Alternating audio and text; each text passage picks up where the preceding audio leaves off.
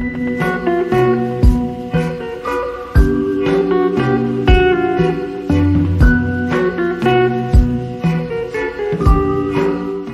selam, nasılsınız? Selam, iyiyim, gayet iyiyim. İsmail sen nasılsın? Ben de iyiyim. Hocam şimdi biz aslında bir söyleşi, e, kitap söyleşisi olarak başladık ama yine insanı anlamak kitabın üzerinden devam edebileceğimizi düşündük. Çünkü kitap e, zihniyeti anlattığı için ve bütün güncel hadiselerde kitabın anlattıklarına dokunduğu için e, böyle devam edelim diyoruz söyleşilerimize. Şimdi zihniyet çeşitlerini siz kitapta anlatmışsınız. Ben sayıyorum izin verirseniz. Demokratlık, otoriterlik, ataerkillik, relativizm, sosyallik, kayıtsızlık ve oportunizm olarak sıralıyorsunuz. Bunlardan üç tanesi kabullenici zihniyetler, geri kalan dört tanesi dönüştürücü zihniyetler. Kısaca anlatmakta yarar var çünkü her birisiyle ilgili e, bir program da harcanabilir bunların.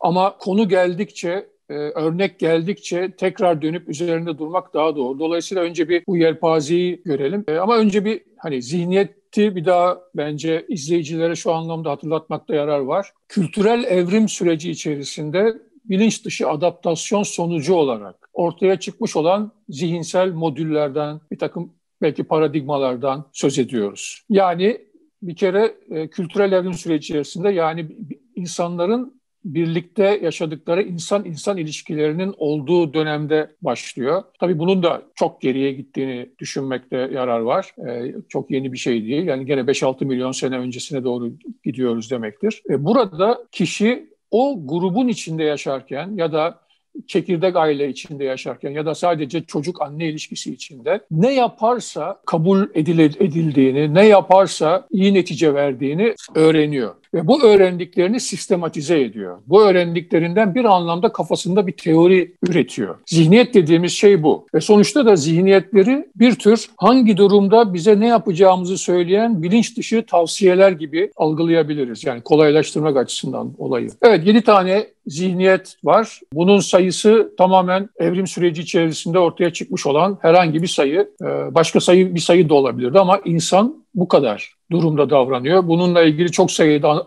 araştırma var. Herhangi bir durumda bu yedisinin dışında bir davranış kalıbı ya da onun arka planında bir zihniyete rastlamıyoruz. E, aynen başka organizmalarda, hayvanlarda da olduğu gibi yani köpeğin de belirli sayıda davranış kalıpları var. Kedinin de diyelim ki belirli sayıda davranış kalıpları var.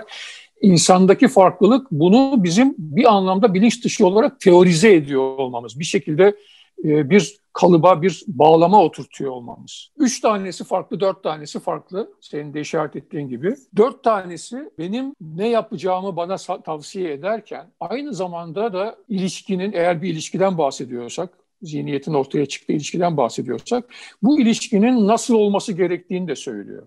Yani normatif bir tarafı var. O yüzden bunlara dönüştürücü diyoruz çünkü değiştirmeye çalışıyor e, kurduğu ilişkiyi. Diğer üçü ise böyle değil.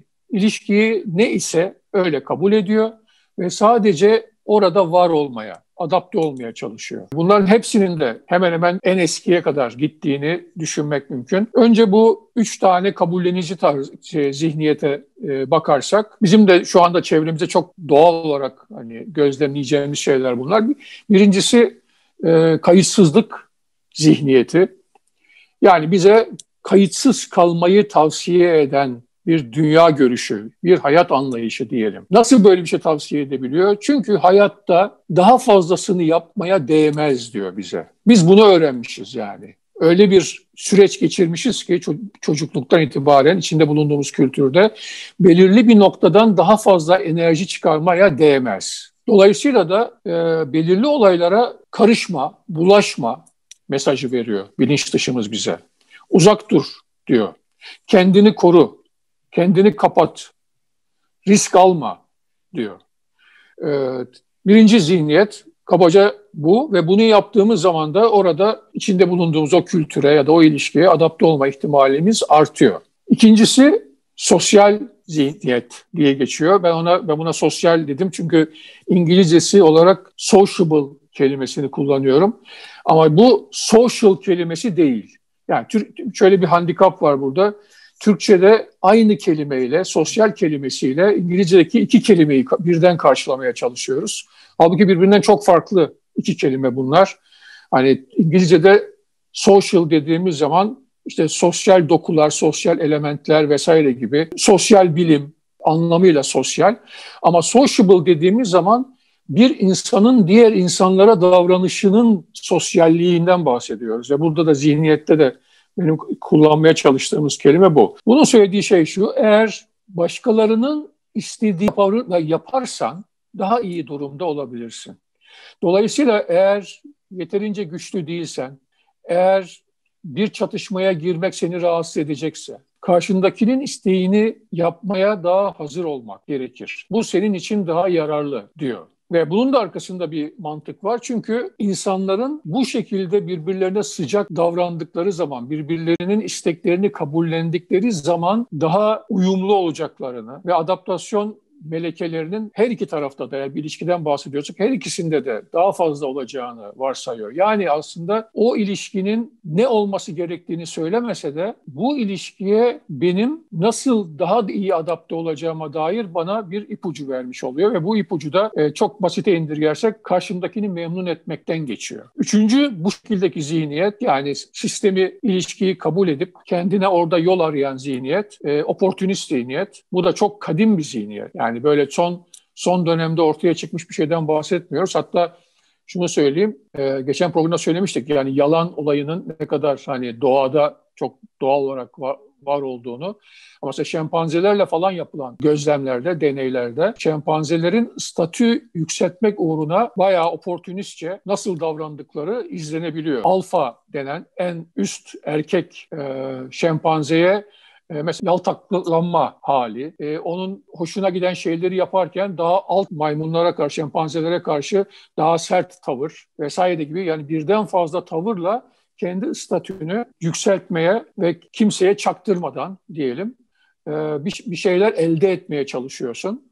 E, bu da çok genel bir e, tarz ve zihniyet. Yani hocam bu bu isimler yeni e, isimler, yeni kelimeler olabilirler isim olarak. Ama oportunizm kelimesini biz 100 yıldır, 200 yıldır kullanıyoruz diye oportunist zihniyet yeni ortaya çıkmış değil diyorsunuz. Değil, aynen. Şempanzelerden beri bütün evrim sürecinde adını koymamış da olsak bu yedi zihniyet içinde geçerli değil mi hocam? Yani insanlığın Aynen. varoluşundan beri, evriminden beri, Hı. evrim sürecinde bu yedi zihniyet en başından beri var. Geçen programda da söylemiştiniz. Yani milyonluk tarihi olan çeşitler evet. var aslında zihniyet çeşit. Tabii toplumsal örgütlenmenin gelişmesine bağlı olarak çeşitleniyor, şekilleniyorlar her biri kendi içinde. Ama nüve olarak, öz olarak her birini e, yani biz çok daha tabii kaba halleriyle e, bize çok yakın olduğu düşünülen bazı hayvanların kendi ilişkilerinde aynen görüyoruz. O yüzden de sonradan birdenbire hani medeni olunca keşfettiğimiz şeyler değil bunlar. Tam aksine hep var olan ama medenileştikçe de tırnak içinde daha karmaşık, daha kompleks hale, daha bir anda böyle rafine hale geldiklerini görüyoruz. Ama duygu olarak, dürtü olarak her zaman var. Yani bu oportunizmde de kendisinin niyetini gizleme dürtüsü hep var. Bu da e, çünkü adaptasyonu kolaylaştıran, güçlendiren bir şey. Eğer niyetiniz başkalarının menfaati aleyhine, kendi statünüzü yükseltmekse, eğer niyetiniz hak ettiğinizden daha fazla bir şeyi yemekse, eğer niyetiniz herkes bir eş alır, alırken iki eş almak ise mesela diyelim, herkesin yaptığından e, standarttan fazla bir şey ya da hak ettiğinizden fazla bir şey istiyorsanız niyetinizi gizlemeyi bilmeniz gerekiyor. E, dolayısıyla bu da geliştirdiğimiz bir maharet ve de bunun da arkasında bir hayat anlayışı var. O hayat anlayışı da bize şunu söylüyor yani bugünkü terimlerle şimdi baktığımız zaman bugün yaptığımız çalışmalarda oportunistlerle konuştuğunuz zaman şunu söylüyor size o insanlar. E yani tek ahlaksız ben değilim. Ayrıca bu yaptığıma ahlaksızlık denemez. Çünkü bütün dünya zaten böyle çalışıyor. Yani dünyanın zaten doğal halinden bahsediyoruz diyor. Ve herkes eğer oportunistçe davranıyorsa bilerek bilmeyerek o zaman benim oportunistçe davranmakla suçlanıyor olmam çok mantıklı bir şey değil diyor. Buradaki kritik şey e, bu insanların kendisini savunma biçiminden ziyade bu savunmayı mümkün kılan bir arka plan hayat anlayışı var. Dolayısıyla bu hayat anlayışı bizim kendi yaptığımızı bizim için normal hale getiriyor. Unutmayın ki zihniyetlerin esas fonksiyonu bu. Bizim kendi yaptığımızı, davranışlarımızı, düşüncelerimizi, tutumumuzu bizim için doğru ve normal kabul edilebilir hale getirmesi. Şimdi bu üç tanesi dünyayı değiştirmek istemiyor. Eğer yani bugünün terimleriyle konuşursak dünyayı kabul ediyor, ilişkileri kabul ediyor, kültürü vesaire her şeyi kabul ediyor. Ben bunun içinde nasıl ayakta kalırım, istediğim yere nasıl ulaşırım, nasıl risk almam diye bakıyor. Peki hocam, e, oportunizm biraz belki ileride dediğiniz gibi bütün zihniyetler için, her biri için teker teker birer program yaparız her biri için. Oportunizmi konuşacağımız zaman mesela Machiavelli'de konuşuruz. Machiavelli değil mi oportunizmin simge ismi Machiavelli sayılır mı? Sizce o nereye daha yakın? Yani, o, yani bak, Machiavelli iki türlü okumak mümkün. Yani Machiavelli bir tür basit tavsiyelerde bulunan ve, ve evet oportunizmi tavsiye eden kişi olarak da yazar olarak da okumak mümkün. Ama Machiavelli bu tavsiyeleri yaparken bir yozlaşmaya işaret eden bir düşünür olarak da okumak mümkün. Yani o bakımdan hani illa Machiavelli suçlamak ya da o noktaya gitmeyelim. Hani ama bu, bunlar konuşulduğu zaman çok fazla örnek bulabiliriz. Özellikle e, bugünün Türkiye'sinden bence çok canlı, güzel örnekler de bulabiliriz. Bunu konuştuğumuz zaman ele alırız bunu. Evet, oportunizmi uzun uzun konuşacağımız zaman Machiavelli'den bahsedeceğiz mutlaka yani. Geçen bir şey dedi hocam, e, bir siyasetçiye Prens'i okuyup okumadığını sorarsanız Machiavellizm gereği okumadığını söyleyecektir ama hepsi de okumuştur emin olabilirsiniz diye bir şey geçti. Evet ama benim verdiğim cevabı da verebilirler. Evet okudum ve onun okunmasının iki türü var. evet. diyebilirler. evet diğer şimdi diğer dört zihniyete gelirsek bunlar e, sadece benim düşünce, davranış, tutumumu benim için doğru kılmakla yetinmiyor. İlişkinin, kültürün giderek dünyanın yani kültürel evren anlamında dünyanın nasıl olması gerektiğini de söylüyor ve bütün bunu da bir gerçeklik anlayışına bağlıyor. Dolayısıyla bunlar daha karmaşık, daha derinlikli olan zihniyetler. Ve şöyle bir parantez açalım. Her birimiz birden fazla zihniyetten oluşan bir zihniyet bileşimi geliştiriyoruz çocukluktan itibaren. Ve her birimizin bu zihniyet bileşiminin içinde muhakkak bu dört tane dönüştürücü zihniyetten en az birisi muhakkak var. Bu çünkü onların varlığı bizim genel olarak cevaplanması mümkün olmayan sorularla ilgili cevaplarımızın olmasını sağlıyor. Nedir bu? Hayatın anlamı nedir? Mesela şimdi hayatın anlamı nedir? Kayıtsız birisine sorduğumuz zaman sırf kayıtsız zihniyetten gidersek cevap yok. Ya da sırf oportunist zihniyetten gidersek bir cevap yok. Ama Şimdi sayacağımız bu dört zihniyet yani e, ataerkillik, otoriterlik, relativizm ve e, demokratlık bunlarda bunlara birer cevap var. Çok basit olarak gidelim zaman açısından. E, ataerkil zihniyet dışımızdaki gerçekliğin maddi olmadığını, bir manevi töz olduğunu ve bunun bizim zihnimize yansıdığını, bizim zihnimizin de aslında dolayısıyla manevi bir tarafı olduğunu sırf madde ile anlaşılamayacağını kabul ediyor ve de buradan giderek de bir hiyerarşik model üretiyor. Yani en tepede bilgiye ulaşma açısından en yetkin olan kişi, özne vesaire var.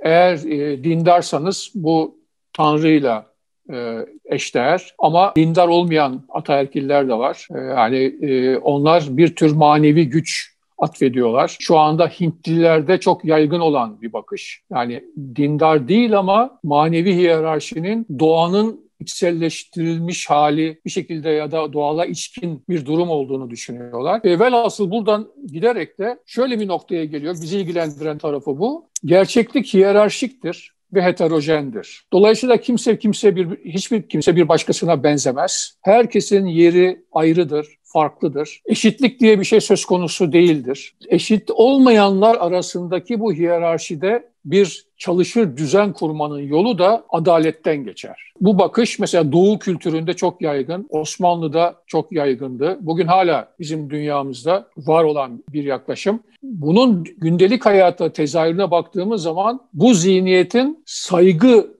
peşinde olduğunu görüyoruz. Saygı edinerek, saygıya ulaşarak ya da başkalarının sana saygı sağlamasını sağlayarak adaptasyonunu en iyi şekilde yapabilirsin. Ne kadar sıradanlıktan uzak olursan ve ne kadar saygıyı hak edersen e, o kadar da uygunsun var olmaya ve hayatını idame ettirmeye. Tabii bu dolayısıyla bizim kendi davranışlarımızı da meşrulaştıran bir bakış olarak ortaya çıkıyor. Yani ben kendi davranışlarımı şimdi saygın buluyorum. Ben kendimi sıradan değil olarak görüyorum. Ben kendimi biricik olarak görüyorum. Mesela ataerkil zihniyet bu kişileri kendilerinin sanki fıtratlarından hareketle tekil, benzersiz oldukları inancıyla davran, davranıyor, gösteriyor bize. Biz onları böyle algılıyoruz yani ataerkilleri. İkinci bir yaklaşım gene kadim kültürlerde çok daha yoğun. Yani bu biraz da böyle tarih olarak söylersek yani insanlığın tarihinde geriye doğru gittiğim zaman ataerkillik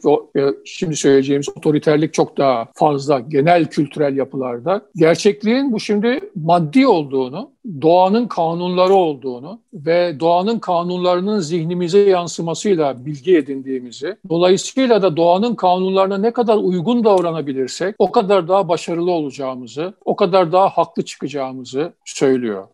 Ve buradan hareketle de yine hiyerarşik e, ama homojen bir kültürel alan ya da e, kültürel sistem varsayıyor. Yani e, herkesin bir anlamda gerçeklik karşısında başlangıç noktasında belki eşit olduğu ama bu eşitlikten sonra kanunları, doğanın kanunlarını anlayıp oradan hareketle başarılı olanların tezlerinde haklı oldukları için diğerlerini mesela yönetme hakkının da olduğu, diğerlerine doğruyu söyleme hakkının da olduğunu söylüyorlar bu insanlar. O yüzden de e, mesela davranış kalıplarına baktığımız zaman emir veren, verdiği emrin e, yapılmasını hemen isteyen, insanların kendisi hakkında ne düşündüğüne çok ehemmiyet vermeyen bir yaklaşım ve düşünce tarzı görüyoruz.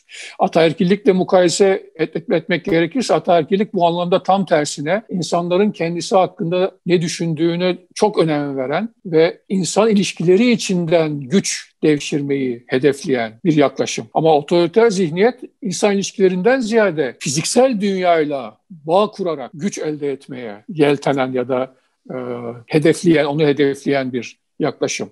İkisi de ama ikisinin de ortak şöyle bir yönü var. Yani daha sonrakilerle mukayese açısından ben nasıl bilgi ediniyorum sorusuna ikisi de diyor ki dışarıdaki gerçeklik zihnimize yansıyor bir şekilde. Birisi maddi bir, bir ilişki kuruyor, biri manevi bir ilişki kuruyor. Ee, ama ikisi de aynı şeyi söylüyor. Bir yansımadan bahsediyorlar yani. Bir yansımadan bahsediyorlar. Buradan özellikle ataerkillik için söylüyorum. Mesela ataerkilsek, otoriter zihniyete sahipsek bu bizi biraz da e, dışarıdan bakınca şizofren gibi göstermiyor mu? Yani psikiyatrik rahatsızlıklara benzeteceksek zihniyetleri mesela.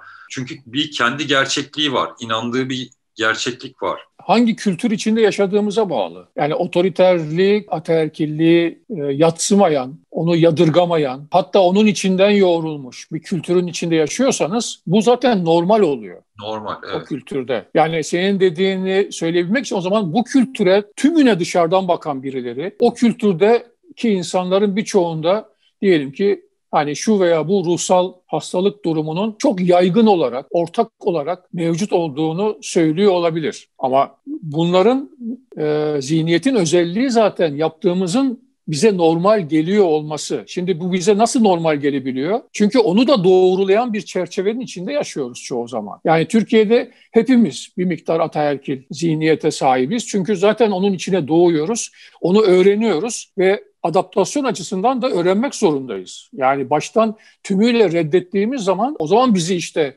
hasta diye doktora götürüyorlar.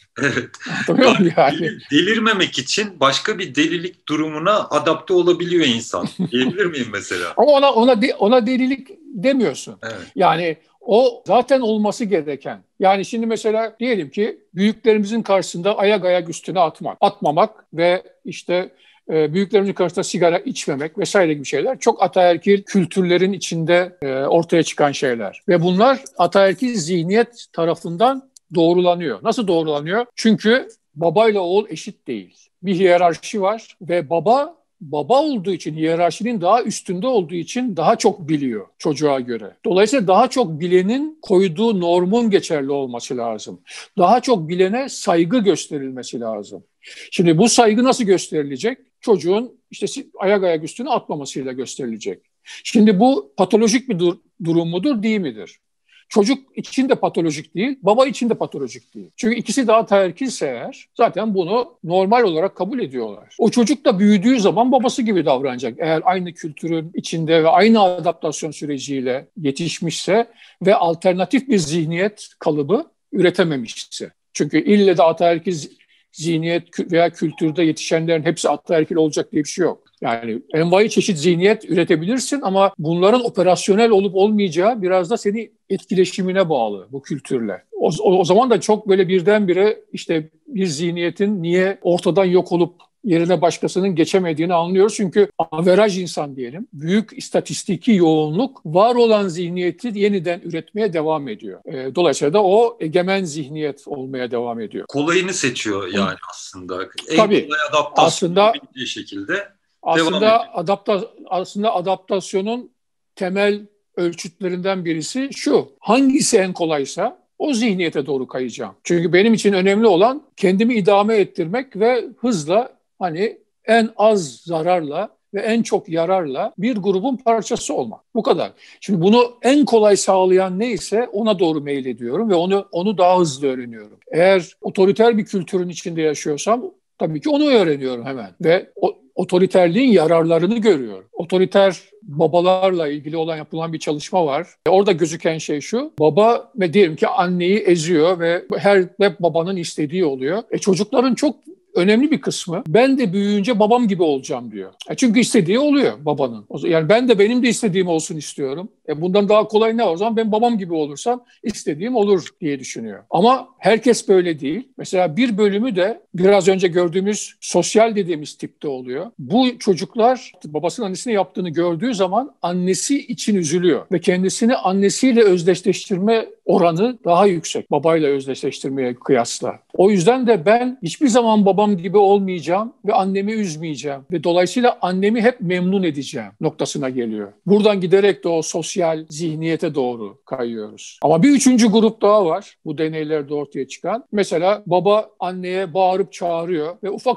çocuğu izliyorsunuz. Çocuk bir odanın bir köşesine gidiyor, yüzünü duvara dönüyor ve orada önündeki bir şeyle oynuyor. Yani görmek istemiyor, duymak istemiyor. Kayıtsız olmanın daha iyi bir adaptasyon aracı olduğunu keşfetmiş o çocuk. Baş edemeyeceği. Hiç bulaşmıyor. Evet, baş edemeyeceği. Evet, baş, kaldıra, onu kaldıramayacağı için, baş edemeyeceği için, taşıyamayacağı için. Dolayısıyla tek bir cevap yok.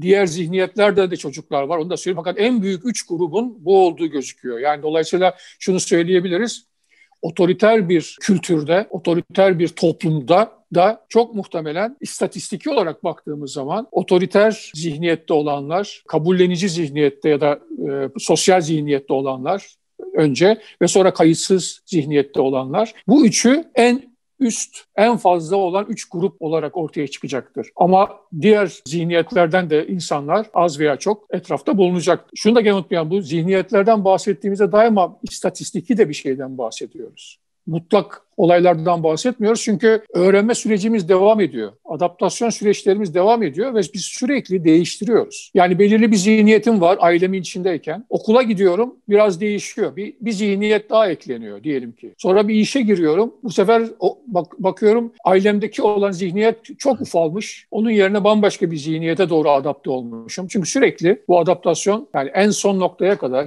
hayatın e, devam ediyor. Giderek daha zorlaşıyor. Bu çok açık. En zengin noktası çocukken. En kolay çocukken öğreniliyor ve kabaca 6-7 yaşına geldiğimiz zaman formasyon yani zihniyet bileşimi o kişi için büyük çapta ortaya çıkıyor. Ama bu dediğim gibi mutlak olarak orada kalmıyor. Ondan sonra da e, adaptasyon e, devam ediyor. Yani en kolayı çocuk 6-7 yaşına gelene kadar zihniyetini nasıl istiyorsanız öyle şekillendirebiliyorsunuz. Ondan sonra değiştirmesi çok zor oluyor. Yenilerini katıyor. E, bu, burada Evet, burada şöyle bir tartışma var. Yani nasıl istiyorsak şekillendirebiliyor muyuz? Yoksa bunların bir bölümü genetik mi? Kabaca söyleyeyim. Bu da tabii cevap da çok kabaca. Yani eğer genetik diye bir faktör var tabii. Onu ama o sadece üçte bir gibi. E, çevre üçte iki gibi. Yani, ee, yani bu arası tartışmasındaki bu hep konuşulan şey bembeyaz bir sayfa olarak gelmiyor bu bebek dünyaya. Tabii ki. Genetik olarak tabii. aldığı bir miras var ebeveynlerinden, daha da atalarından geriye gidersek. Ama siz kitapta onu da soracaktım. Not aldım buraya zaten zihniyeti konuşurken. Diyorsunuz ki insan bütün bir insanlık geçmişinin bilgisinin nüve halinde ebeveynlerinden devralıyor. Beyaz bir sayfa olarak gelmiyor. Üzerinde bir şeyler yazılı. Şimdi dediğiniz gibi üçte biri neredeyse yazılı. Ama devamını yazacak olanlar yine ebeveynler, çevresi, evet büyüdükçe okula gidecekse öğretmeni, daha sonra arkadaşları, eşi, dostu hep beraber o sayfaları dolduruyoruz. Ş- şöyle bir şey de var. Kültürel etkilenmeler genetik yapıyı değiştiriyor mu diye de bir tartışma var. Hiçbir şekilde etkilemiyor diyenler de var. Bu kesinlikle etkiliyor diyenler de var. Ama giderek benim gördüğüm kadarıyla bu etkiliyor diyenler yani e, adaptasyonsa çünkü o da adaptasyon öbürü de adaptasyon. Yani fiziksel dünyaya adaptasyon ne kadar kritikse hele giderek yani bugüne doğru yaklaştığımız zaman insanlığın macerasında kültürel olanın içinde adaptasyon da o kadar önemli ve ondan da bir şeyler öğreniliyor ve o öğrendiğine göre de davranış kalıpların değişiyor ve yerleşik hale geliyor. Şimdi bu yerleşikleşme nesillerden nesillere geçildiği zaman bir biçimde genetik şöyle diyorum hani ben öyle ara bir şey söylemek gerekirse şunu söyleyebilirim diye düşünüyorum. Genetik yapıyı değiştirmese bile genetik yapının fonksiyonel önceliklerini değiştiriyor. Yani genetik yapı da bir şey öğrenip eğer üç tane yol varsa önünde giderek birini değil bir başkasını tercih etmeye başlayabiliyor. Fiziksel olarak değişmese bile verdiği emirler değişebiliyor. E, bu anlamda da kültürel adaptasyonun e, genleri etkilediğini söylemek durumunda. Yani sonunda işlev olarak baktığımız zaman etkiliyor ve evet bir bir tür ham madde olarak çocuk doğduğunda o var ama şu daha önemli. O çocuğun en önemli ham maddesi yedi zihniyete de açık oluyor olması. Esas olan nasıl biz aritmetiğe, rakamlara yatkın bir zihne sahipsek ve bu evrim sürecinin bir noktasından sonra ortaya çıkmışsa ve bugün her doğan çocuk rakamlarla ilgili olarak doğal olarak kimse bir şey öğretmeden bir yatkınlık taşıyorsa aynı şekilde zihniyetler konusunda da bir yatkınlık taşıyor. Ama bunlar içi boş hazneler gibi genetiğinden gelen bir yatkınlık var ama esas olarak kurduğu insan ilişkileri. Önce anne tabii, baba, küçük aile, geniş aile vesaire diye gidiyor. Bu ilişkiler ağı ona hangi zihniyetin daha verimli olduğunu bilinç dışı olarak öğretiyor kendiliğinden. O yüzden de mesela oportunist olan insanların birçoğu zaten bu yaşlarda oportunist oluyorlar. Ve bizim kültürümüzden bir örnek vermek gerekirse ataerkil kültürlerde oportunist çok fazla var. Çünkü ataerkiller saygı beklediği için, oportunistler de övgücü olabildikleri için daha üstlerine, yaltaklanmaya daha hazır oldukları için ataerkil sistemlere kolay nüfuz ediyorlar. Bir çocuğun küçük hayatına döndüğümüz zaman bizim kültürümüzde çok sık olan bir şey anne anne dedenin ya da baba anne dedenin şımartması çocukları. Orada çocuk oportunizmi o noktada öğreniyor. Ne yaparsam anneanne, dedeyi, babaanneyi benim istediğim kıvama getirir mi öğreniyor. Mesela annesi babası kızdığı zaman hemen gidiyor anneanneye, dedeye diyelim. Kullanıyor onları. Çünkü onlar daha yaşlı. Onlar daha güçlü. Yani onlar anneye babaya bir şey söyleyebilir evet, gibi. Filmi burada kesip ileri sararsak Adam yetişkin olmuş, ha. işlerini üst seviyedeki tanıdıklarla halletmeye çalışıyor. Yani kendine yine anneanneler, dedeler, babaanneler buluyor. Senin orada tanıdığın var mı? İşte şu işi nasıl hallederiz diye. Evet ama buradaki olay zaten sistemin oportunist kültürde ve zihniyette olması. Şimdi bir tanıdığın yoksa işin çözülmüyor. Deniyorsa sana e o zaman bir tanıdık bulalım diyorsun tabii ki. Evet. Bu tanıdık bulmanın bir eğer düşünürsen bu bir oportunist davranış. Evet diyorsun. Ama evet. çok doğru bir davranış. Evet. Çünkü başka hak, türlü haklıyım. başka türlü başa Aynen. çıkamıyorsun ki. Yani bir tanıdık başka aramayan türlü, kimse var mıdır aramızda?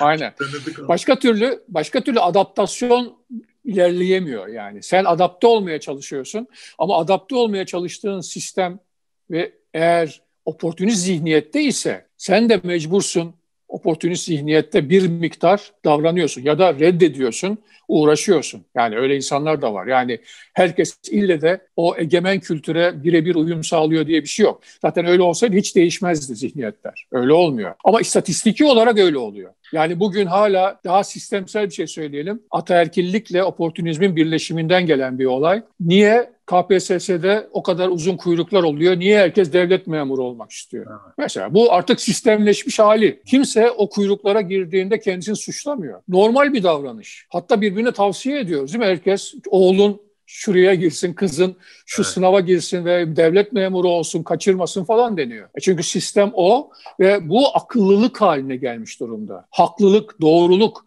İşte bunu sağlayan da zihniyet. Evet. Yani bizi bunu sorgulamamamızı ve hayatın zaten böyle olduğunu, o yüzden bizim böyle davrandığımızı bize bilinç dışı olarak zaten söylüyor. Evet. Ve dolayısıyla bizi rahatlatıyor. Öbür iki zihniyeti de çok kısa geçelim ve evet. hani zihniyetleri bitirelim. mi geleceksiniz galiba? Evet. E, relativizmle demokratlık aslında bir tür devrimsel farklılık taşıyorlar. Ataerkillik ve otoriterliğe kıyasla. Çünkü burada bilgi yani dışında dışındaki gerçeklikle aramda kurduğum ilişki artık bir yansıma ilişkisi değil. Bir karşılıklılık, mütekabiliyet ilişkisi. Yani benim zihnim bir biçimde gerçekliği anlıyor, ona uygun davranıyor ama bu benim zihnimin özellikleri sayesinde oluyor. Şimdi relativist anlayışta, relativist zihniyette bir mutlak karşılıklılık şeyi var. Yani bu karşılıklılık var ve bu mutlak. Ne demek mutlak dediğim zaman?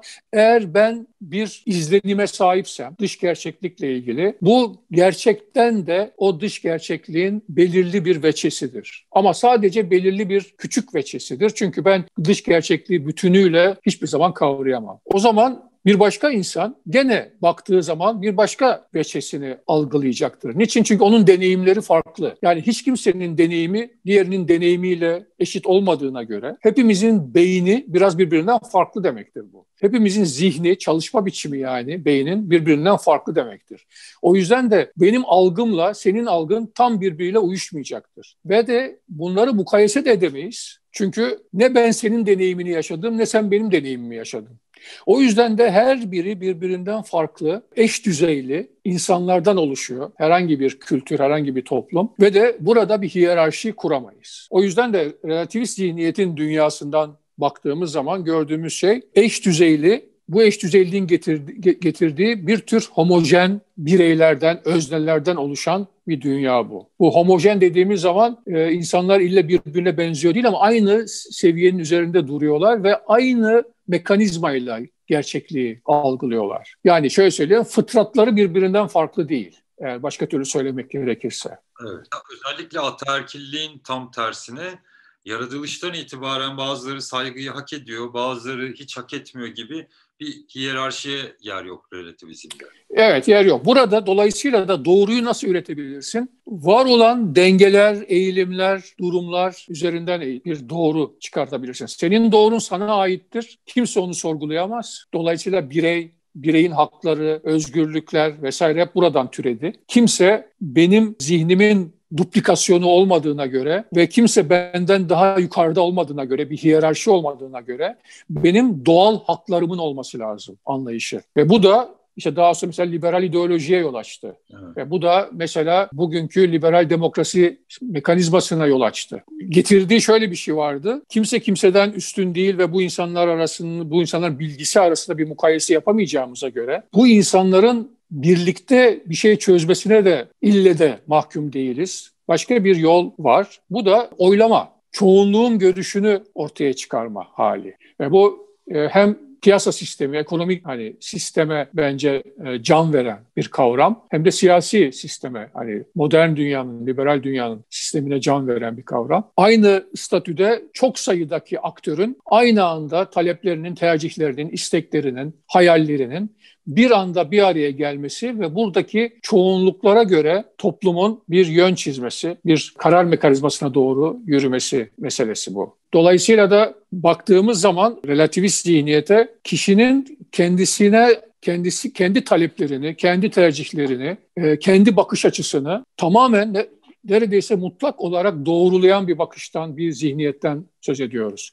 Bana böyle geliyor dediğin zaman akan sular duruyor. Bu burası benim özgürlük alanım dediğin zaman iş bitiyor. Dolayısıyla kişinin kendi çevresine hak, özgürlük olarak sınır çizebildiği ve oraya sahip çıktığı bir anlayış bu. Tabii kendine göre sorunları var. Bunları konuşabiliriz. Ama yani relativist zihniyet esas olarak böyle bir şey. Bir de nihayet demokrat zihniyet var Orada da bir tekabüliyetçi anlayış var. Yani gerçeklikte benim aramda bir karşılıklılık durumu var. Ama bu karşılıklılık bir mutlak bağlantı değil. Yani ben bir şey bir algıya sahipsem bu algının bu algıya tekabül eden aynı şekilde bir gerçeklik halinin var olduğunu söyleyemem. Çünkü benim zihnim aslında ancak ve ancak gerçekliği çarpıtarak benim için anlamlı hale getiriyor. E, o zaman da ben aslında mutlak anlamda baktığımda hiçbir zaman bu gerçekliği bilemem. Bu gerçekliği bilmem, biliyormuşum gibi davranmamı sağlayan bir zihnim var ama. Buradan hareketle de kim hiçbir zaman insan olarak doğruları bilmeyeceğiz.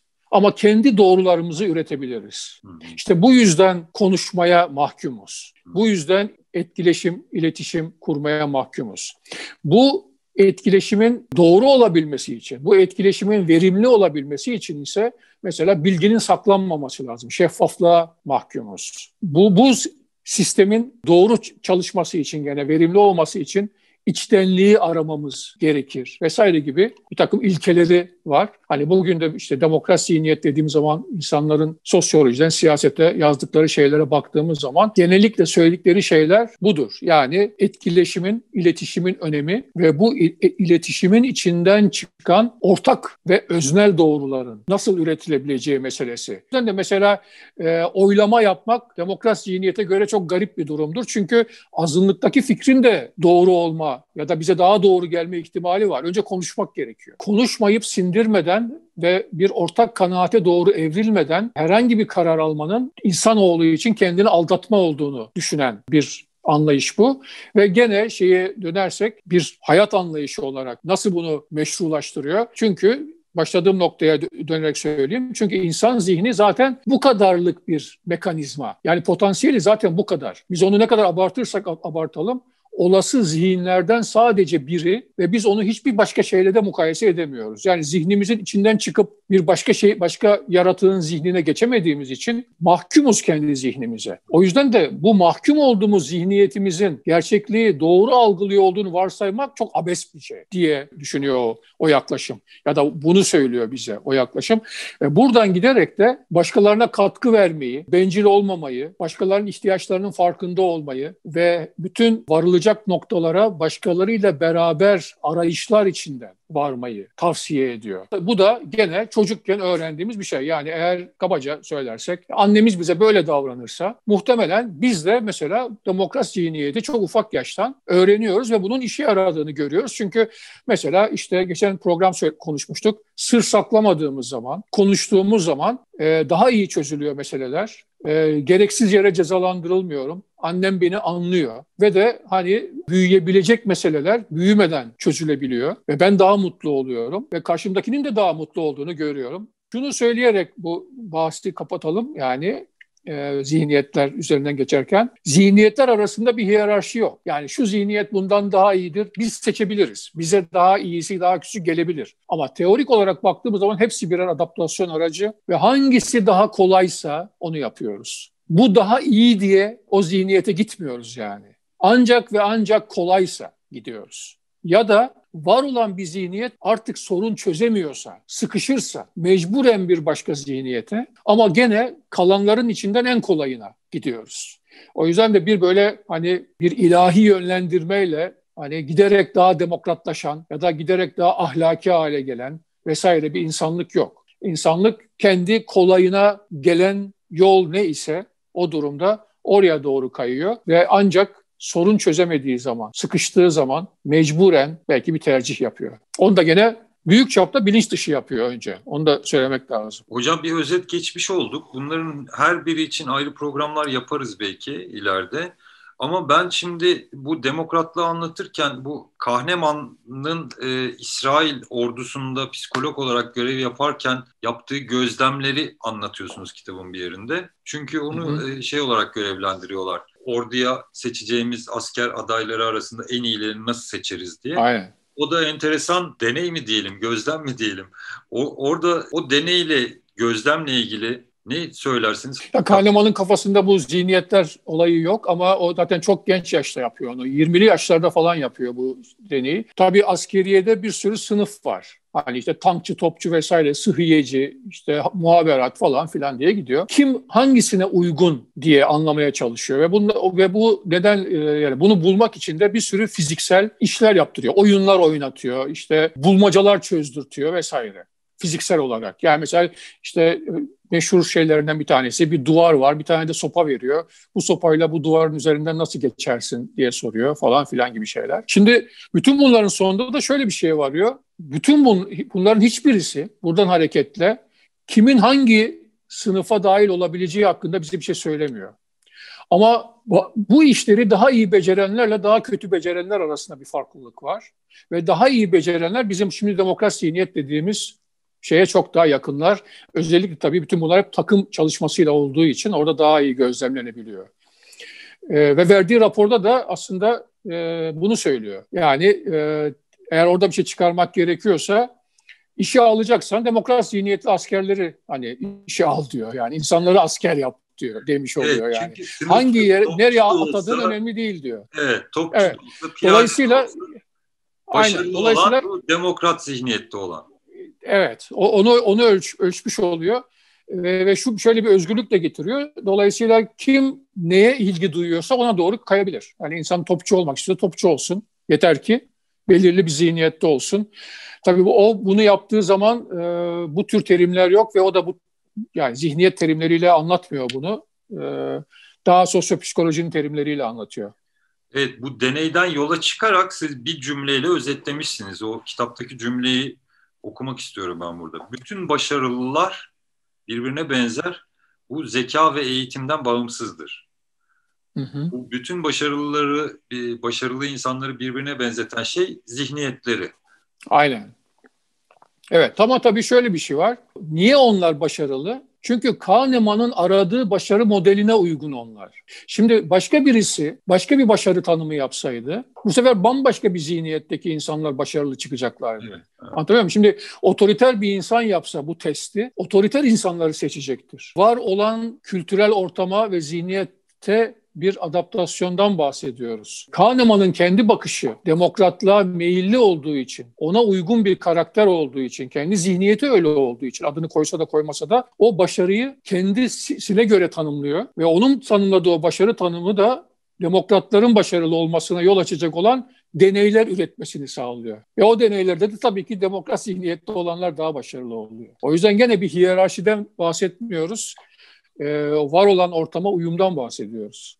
Evet, bu gözlemin, Kahneman'ın anlattıklarının hemen sonrasında bir araştırmadan daha bahsediyorsunuz. Sigorta şirketleri bir araştırma yaptırıyor. E, hastalar hangi doktorları dava ediyorlar, mahkemeye veriyorlar? Bunun e, ortaya evet. çıkmasını istiyorlar ki doktorları anlatabilsinler. Bakın siz şurada yanlış yapıyorsunuz. Bu yüzden de hı hı e, biz çok zarar ediyoruz. Dava konusu olan doktorlar üzerinde bir araştırma yapıyorlar ve enteresan sonuçları çıkıyor onun da. Evet. Yani oradaki çıkan sonuç çok basit olarak şöyle. Doktor yanlış yapmış da olsa doğru yapmış da olsa eğer hastaya iyi davranıyorsa yani hastaya mesela tafsilatlı bir şekilde olayı anlatabiliyorsa kendi duygularını da anlatan şekilde e, yaklaşabiliyorsa ve hastayla bir güven ilişkisi kurabiliyorsa o doktor yanlış yapmış olsa bile hasta onu mahkemeye vermiyor. Evet. Ama başka doktorlar eğer hastaya tepeden bakıyorsa, ona bilgi vermiyorsa, ona tırnak içinde insanca davranmıyorsa hastaların algılamasıyla, çok ufak bir yanlış bile yapmış olsa hastalar onları mahkemeye verme eğiliminde olabiliyor. Bu da sonuç olarak insanların yani buradaki hastaların karşılarında demokrat doktorlar görmek, demokrat insanlar görmek evet. arzusunu o söylüyor. Doğru davranan yani. insanlar görmek. Yani doğru davranış. Evet. Şöyle, şöyle bir parantez de gene burada kültürler arası fark da var. Mesela Türkiye'de, bu sadece Türkiye'de değil Amerika'da da benim orada bir gün e, gireriz.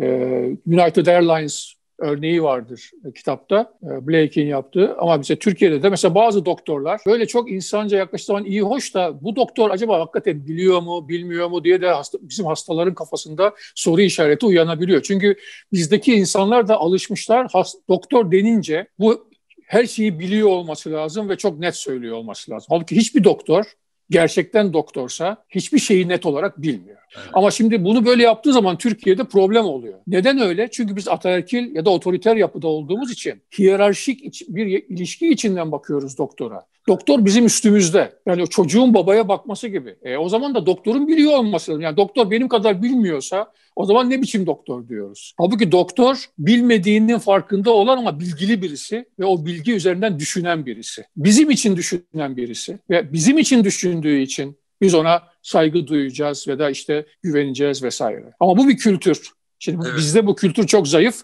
Öteki kültür maalesef çok fazla.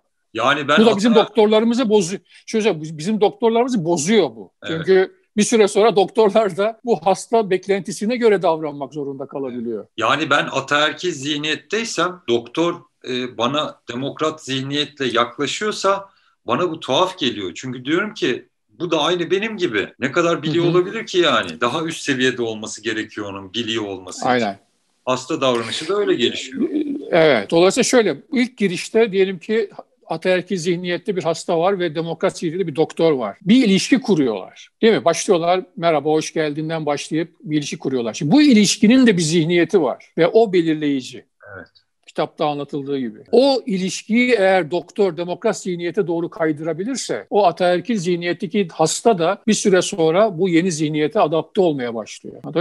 Yani doktorun da burada kolaya kaçmayıp hastanın zihniyetine yaklaşmayıp e, hastayı kendi zihniyetine çekebileceği bir e, enerji göstermesi gerekebiliyor. E, ama tabii gerçekçi mi bu? Ne kadar gerçekçi onu hayat söylüyor bize. Doktorlar demişken aşı karşıtlığıyla ilgili bir şeyler sormak istiyorum ben size. E, bu hı hı. aşı karşıtlığı meselesi şimdi Dünya Sağlık Örgütü geçen sene 2019'da en büyük sağlık tehditlerinden biri demiş aşı karşıtlığı için. En büyük 10 sağlık tehdidi demiş dünya için. Herhalde 2020 itibariyle ilk sağlık tehdidi diyecektir muhtemelen. Çünkü artık aşı olmak Doğru. gerekiyor. Aşıya kuşkuyla yaklaşanlar var.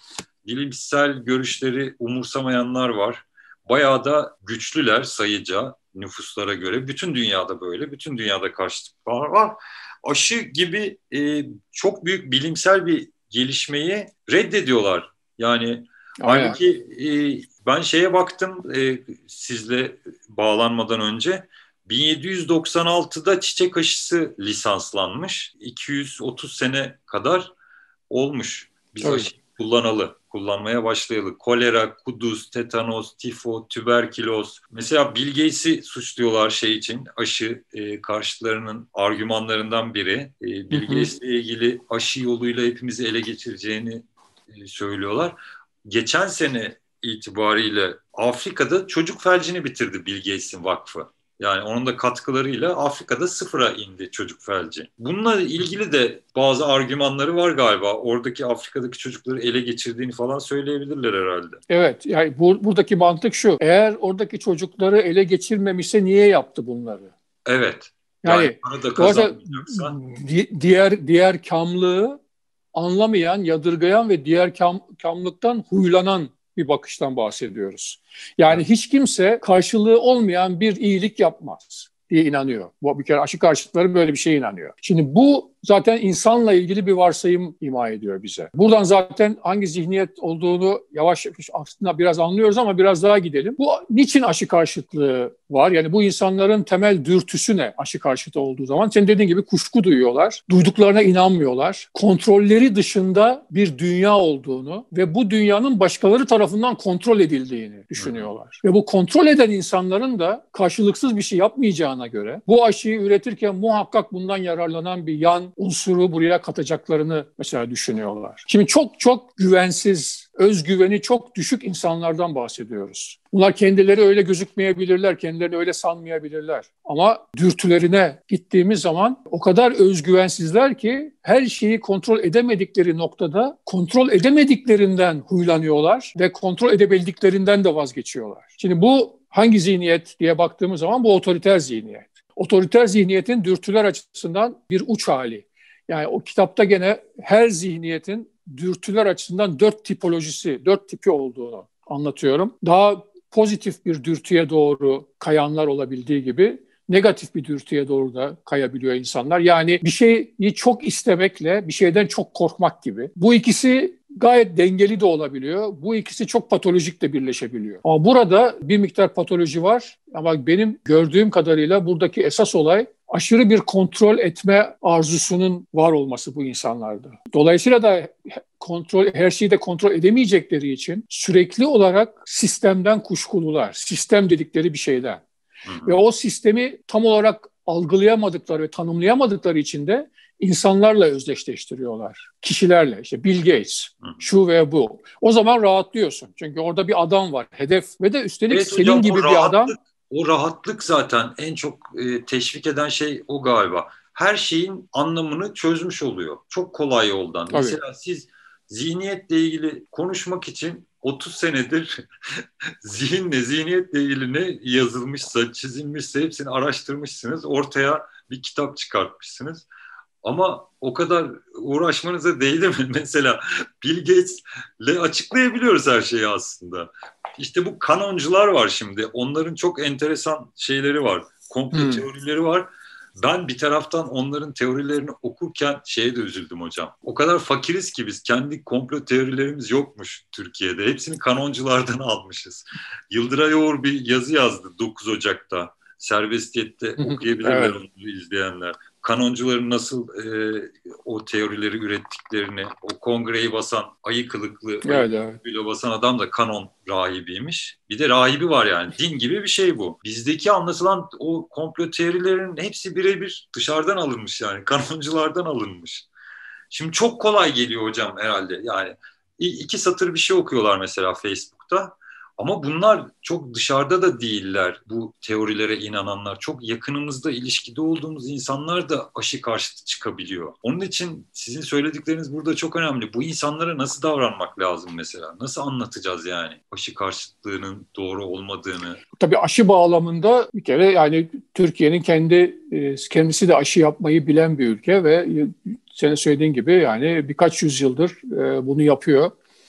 Bu aşı dünyanın her yerinde bir sürü insana da uygulanıyor ve de çok komplike bir şeyden bahsetmiyoruz. Yani aşıya varana kadar aldığımız bütün ilaçların içinde bizi şu veya bu şekilde yönlendiren bir molekül olabilir. Yani o zaman hiç ilaç almamak lazım vesaire. Ama şu anda yaptığımız gibi ben bir iPad'e bakıyorum. Ben o iPad'e bakarken iPad bana bir şey yapıyor olabilir. Benim zihnime bir şey yapıyor olabilir. Ben onun da farkında değilim. E, o zaman yani çok anlamsız bir noktaya gidiyor.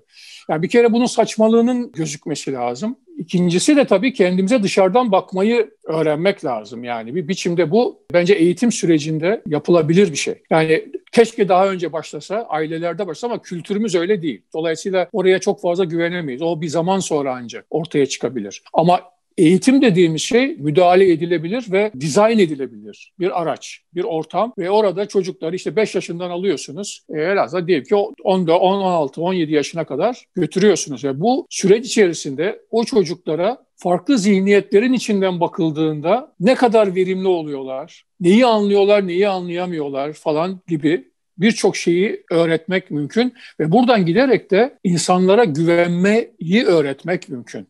Ya da karşılıklı güven ilişkileri içindeyken daha verimli, daha yaratıcı olduğumuzu görebilmelerini sağlamak mümkün. Tabii bunları Türkiye'de yani şimdi benim dediğim gibi söylemek kolay çünkü yapmak zor öyle diyeyim. Çünkü Türkiye zaten kendisi bütün bu imparatorluğun çözülmesi, İttihat Terakki dönemi, Cumhuriyet'in kurulması vesaire gelen bir içe kapanma ve bir bir tür sürekli dış düşman tanımlamasıyla yaşamış olan bir toplum. Yani aslında akıllı davranıyorum diyerek kendisini sürekli kandırmış olan bir toplum ve bu da eğitime sokulmuş durumda. Yani biz eğitim olarak da zaten bunu öğreniyoruz. En azından dolayısıyla buradan sıyrılmak ve de tarihe en azından farklı bakabilmeyi öğrenmek lazım. Yani iki, aracı var bence bu zihniyetler konusunda insanların zihninin açılmasını sağlamak için. Birisi doğru dürüst bir tarih çalışması, ana şeyi yapmak. Ee, yani tarihin nasıl bakana göre, zamana göre göreceli olarak bir miktar yeniden yazılmaya uygun olduğunu, e, tarihsel verilerin nasıl tarihsel olgu olarak kabul edilebilir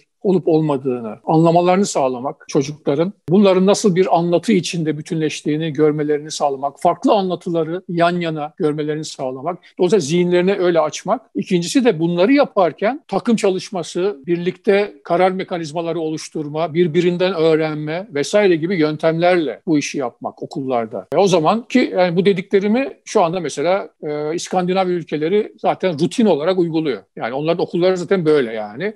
E, Amerika'da bir sürü böyle okul, İngiltere'de bir sürü böyle özel okul var. Bu işleri böyle yapan. E, yani modeller de mevcut hani. Öyle bir yeni bir keşif falan değil söylediğim şey ve bu söylediğim şey modeller herhalde 20-30 yıldır var. Yani öyle çok yeni şeyler de değil. E, önemli olan burada kendi zihniyetinin dışına çıkma cesaretine sahip olup olmama. E, Türkiye öyle bir problemle karşı karşıya. Türkiye esas olarak ataerkil, sonra otoriter ve oportunist esas olarak. Yani bütün diğer belki zihniyetlerden de bir miktar var ama baktığımız zaman hem toplum böyle devlete doğru bu daha da sıkışık. Devlete doğru geldiğimiz zaman, kurumsal yapılara geldiğimiz zaman neredeyse sadece ataerkil, otoriter zihniyetlerin hakim olduğu bir yapı. E, tabii ki bunun da yararlananları var. Bunun zaten doğru olduğunu düşünüyor bu insanlar. Çünkü zaten zihniyet işte bu demek. Yani sana bunun doğru olduğunu söylüyor. O yüzden de öyle kolay değişecek şeylerden bahsetmiyoruz. E, böyle olduğu sürece de aşı karşıtlığı da Türkiye'de e, aynen başka yerlerde olduğu gibi devam ediyor. Türkiye'de olması daha da mantıklı hale gelebilir. Hani Amerika'ya göre. Çünkü daha küçük bir ülke. Daha zayıfız biz. Bizi daha çok hani oraya buraya sürükleyebilirler. O yüzden de daha çok içe kapanma olmamız lazım, daha çok yerli milli olmamız lazım falan gibi teoriler üretebiliriz. Ama bütün bunlar aslında e, bizi patolojik bir yere doğru götürür tabii. Yani çünkü gerçeklikle mesafemizi artırıyor bunlar. Gerçekliğe yaklaşmış olmuyoruz. Gerçeklikten vazgeçiyoruz aslında. Kendi ya, sanal gerçekliğimizi evet, üretiyoruz. Kendi gerçekliğimizi. Mesela işte evet mesela işte medyada böyle değil mi? O medyada sanal gerçekliğini üretiyor çoğu zaman başına bir şey gelmesin diye kendini adapte ediyor. Medyada aslında ilk başta söylediğimiz üç tarzda davranıyor. Kayıtsız davranıyor bazı durumlara. Hiç ilişmiyor, bulaşmıyor. Onları yok sayıyor. O haberleri yok sayıyor.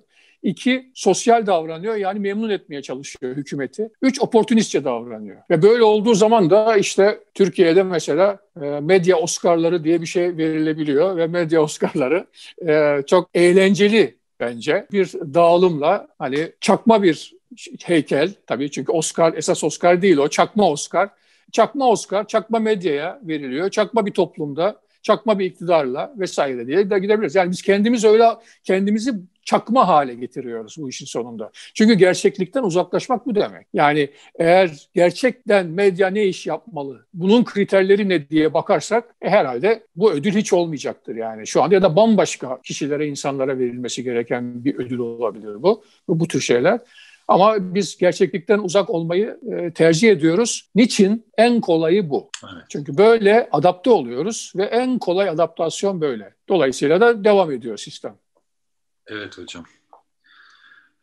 Ee, yine Bayağı yaptık değil mi? Bir, bir saat ne kadar? galiba hocam. Ama daha az da olmuyor ya. Yani e, seyreden de böyle seyredecek artık ne yapalım. yani... Giderek, giderek kısaltabiliriz diye düşünelim. Evet. Bu bir saat olsun. Gelecek seferkini biraz daha kısa yapmaya çalışalım bakalım. Evet hocam. Çok teşekkür ederiz. Ee, tamam. Görüşmek üzere diyelim o zaman. Oldu. Görüşmek üzere. Hoşçakalın.